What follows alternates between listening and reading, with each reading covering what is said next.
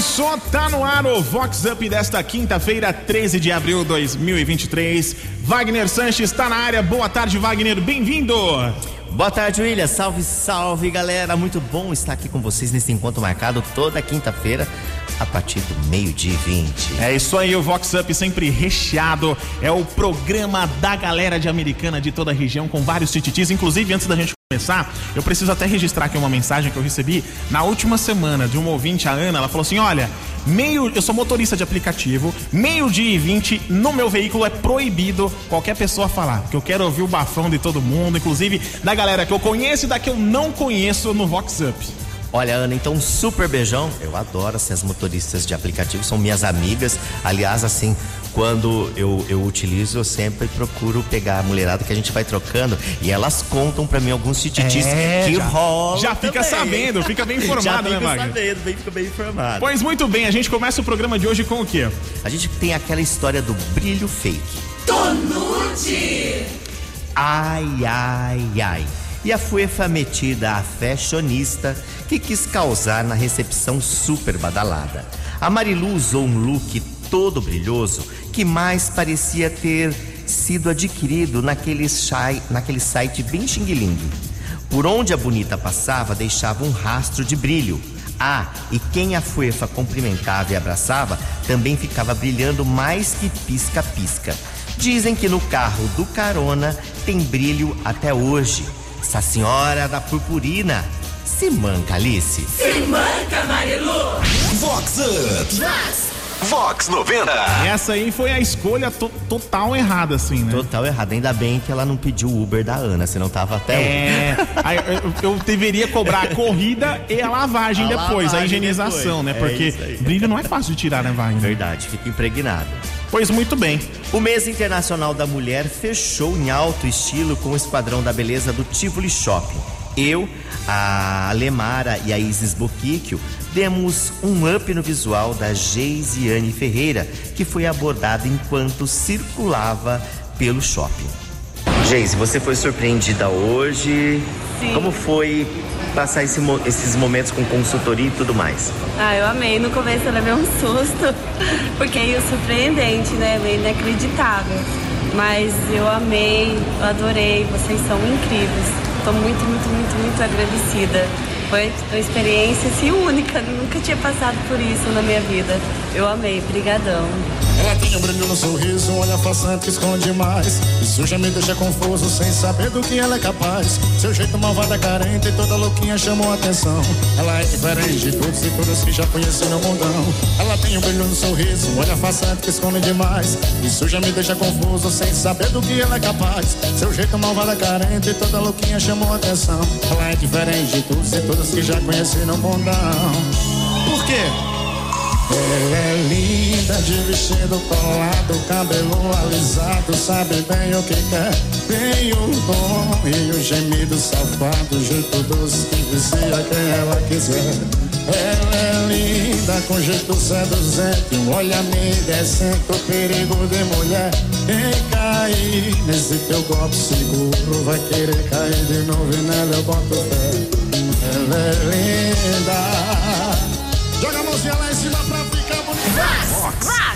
Vox Up. Vox 90. Agora tem aquela história do sem respirar. Ai, ai, ai. E no rodeio da região que duas luluzinhas se estranharam no espaço VIP por causa de um boy. Rolou o dedo em riste e muita gritaria. No calor do momento, uma delas resolveu partir pra pancadaria. E no movimento mais brusco, a cinta abdominal simplesmente arrebentou e a bonita perdeu todo aquele contorno. Roliça, a fuefa vazou da festa. Se manca, Marilu. Vox Up. Segredos foram revelados. Segredos foram revelados. É, né? não pode fazer muita força, É, não. não pode. Eu, eu- eu nem sabia que também deixava. Uma cinta deixava com aquela Mas silhueta. era muita diferença, Era Wagner? muita diferença, E hein? pra respirar? Nossa, eu já vi, eu tinha uma, uma, uma colega, vou dedurar aqui, de outra emissora, inclusive. É. Ela tá, acho que ela tava usando uma cinta assim e tal. E um belo de um dia no evento, ela foi, acho que, fazer um movimento de abaixar-se. Só que a cinta não estourou, foi diferente. Eu acho que apertou o intestino. Aí rolou Nossa. uma flatulência. Ai, ai, ai. Entendeu? Flau, flau. Estão abertas as inscrições para o concurso da rainha da 35ª Festa do Peão Boiadeiro de Americana. As inscrições podem ser feitas até o dia 4 de maio e o Bruno Uliana dá o toque. Olá, Wagner. Olá, ouvintes. Bruno Liana aqui da T, organizador do concurso da Rainha da Festa do Peão de Americana. E vim passar aqui para falar para vocês que logo mais está se encerrando as inscrições do concurso da Rainha da Festa do Peão de Americana de 2023. É agora até o dia 20 do 4, porque já vem aí as seletivas presenciais com desfiles maravilhosos. Então, você menina que tem vontade, participe, é um sonho, vale muito a pena e é sensacional. Então, não perca o tempo e já faça a inscrição. E aproveitando, Wagner, quero escutar uma música aí da, da Ana Castela, que está bem em auge. Fique à vontade, que todas são maravilhosas. Valeu, galera. Olá, rapazes. Aqui é a boiadeira. Estão preparados para o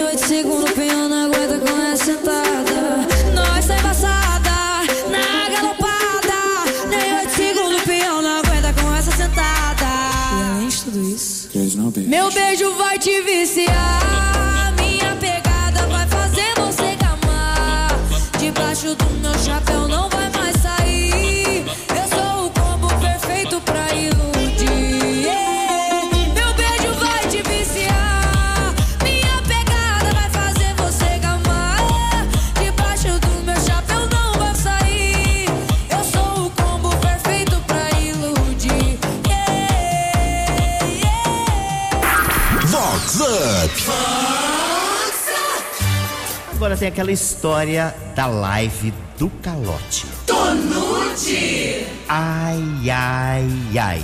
E não é que o figurão badalado, empresário pop, se enveredou em uma live numa collab com aquele acelerador de resultados da capital, lá de São Paulo. Divulgação com pompa e circunstância. O figurão só não contava que durante a tal live, é, bastante visualizada, vários credores aproveitaram para cobrar o caloteiro ostentação. Flagra que foi pintado e espalhado na rede. Se manca, Damastor. Com Wagner Sanches. E ó, pode apagar a live e ocultar comentário depois que caiu o print na rede. Não tem jeito, caiu o print já era. Nossa, e assim, é complicado, né? Corajoso. E foi cobrado na caruda. Mas foi corajoso, porque eu tenho, tenho conhecidos assim que o pessoal vai, não em live, né? Lógico, eu não sei se há, se há possibilidade disso, de bloquear comentários. Mas em publicações normais, já vi casa, a galera vai, bloqueia, dá um golpezinho aqui, ali. Porque se deixar desbloqueado, o povo vem e cobra Vem. mesmo. Falou, "Ô, cadê, queridão? Tem de tudo. Esse foi assim, é um Adamastor corajoso, inclusive, né? Não, e, Cara de pau. E, e tem uma outra coisa, porque mesmo assim num post comum que você faz, Hum.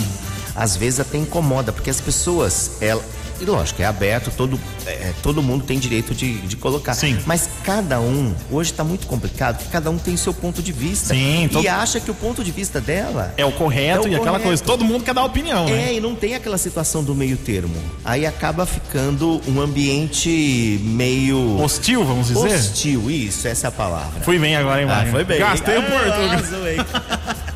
O empresário Wilson Pereira, o Wilsinho da Ótica Diniz, é o aniversariante especial do dia e tem comemoração. Oi, Wilson. Olá, Wagner. Olá, ouvintes da Vox 90. Obrigado pelo carinho, pela lembrança. A palavra do dia é gratidão. Quero agradecer a Deus por mais um ano, pelo privilégio de estar ao lado das pessoas do qual eu amo. Eu quero pedir uma música do J Quest, O Sol, e dizer para todos que quando o medo, a dor vier te assolar, Corra para onde está o sol da justiça. O nome dele é Jesus. Um beijo no coração de todos. Deitor, eu não te escuto mais.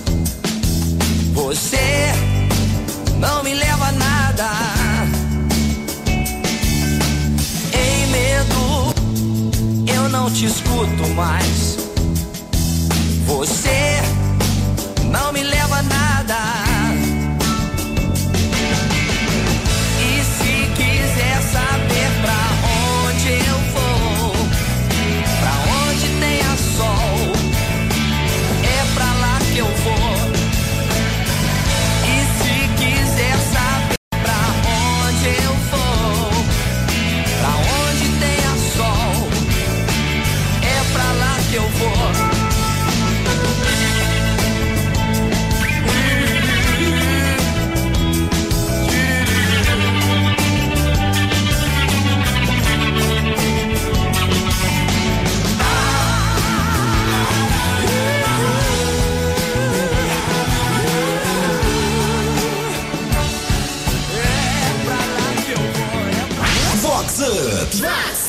Vox 90.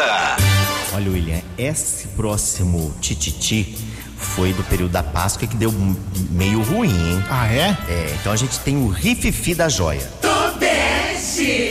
Ai, ai, ai. E o figurão poderoso e muito conhecido que presenteou a mulher com ovo de Páscoa, pate viva e uma joia. Um estojo com corrente de pingente monograma todo cravejado em pedras preciosas. Mas o tiro saiu pela culatra. Ao abrir o presente, a Lulu constatou que a letra da joia não era a do seu nome. O Bambambam Bam Bam culpou o joalheiro. Mas Dona Onça anda procurando a fulana cujo nome começa com L. Me amarrota que eu tô passado.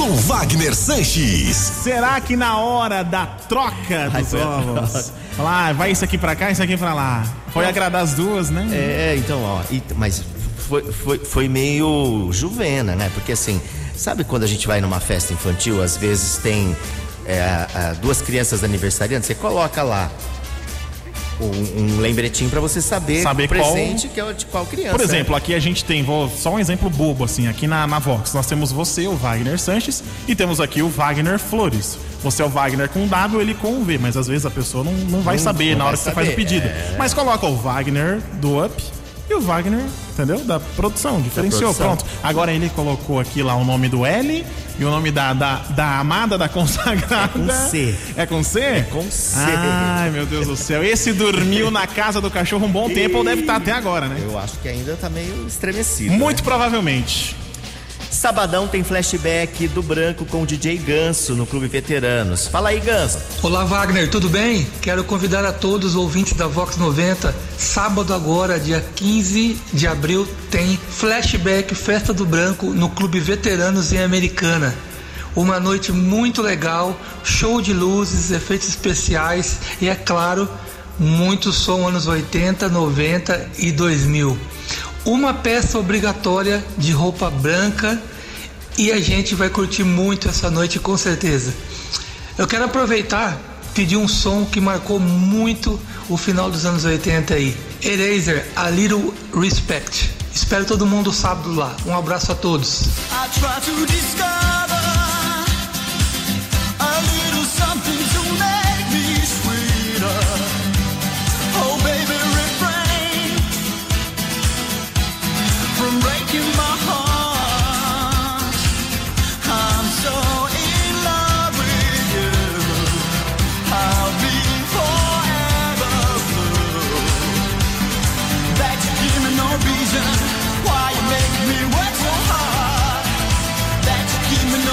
κείμενο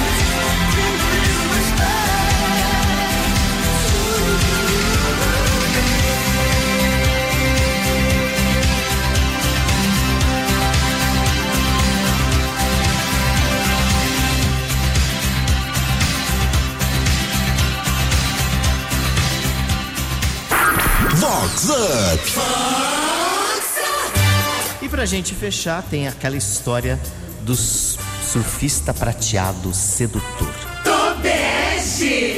Ai, ai, ai. E o Bam Bam Bam metido a Dom Juan que Alone tornou-se o solteirão cobiçado daquela administração pública regional.